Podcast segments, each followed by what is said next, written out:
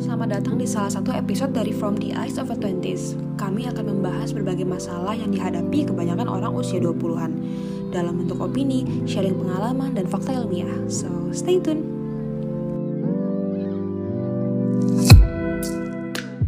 So you are currently listening to a very first episode from the eyes of a twenties ever dan senang sekali kami bisa ditemukan oleh kalian.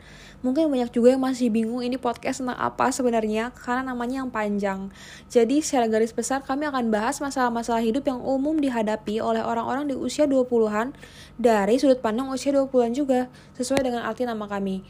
Kenapa 20 atau usia 20-an sangat spesial bagi kami? Karena menurut kami, fase dewasa awal ini penuh kecemasan dan ketidaktahuan. Umumnya menginjak usia 20-an, individu mulai sadar akan tanggung jawab dan perannya di masyarakat, tapi kebanyakan tidak dibekali dengan ilmu survivingnya juga. Itulah kenapa dalam arsip psikiatri umum, 75% orang di usia 24 tahun paling banyak memiliki masalah kesehatan mental. Berangkat dari itu, maka kami, From the Eyes of a Twenties, membuat platform untuk Adulting Survival Kit. Untuk kita orang-orang di usia 20-an awal sampai akhir dan adik-adik yang belum menginjak usia 20-an yang penasaran usia dewasa nanti seperti apa, agar bisa lebih mudah melewati masa-masa hidup yang mungkin akan mereka alami nanti ketika mulai menginjak usia dewasa awal. Kami juga bakal senang banget menerima kalian untuk bergabung di komunitas kami.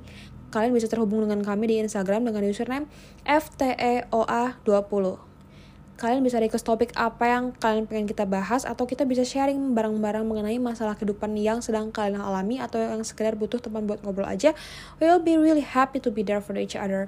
So ya jangan lupa untuk follow podcast dan instagram kami. Semoga kita bisa sama-sama survive di fase kritis ini. Enjoy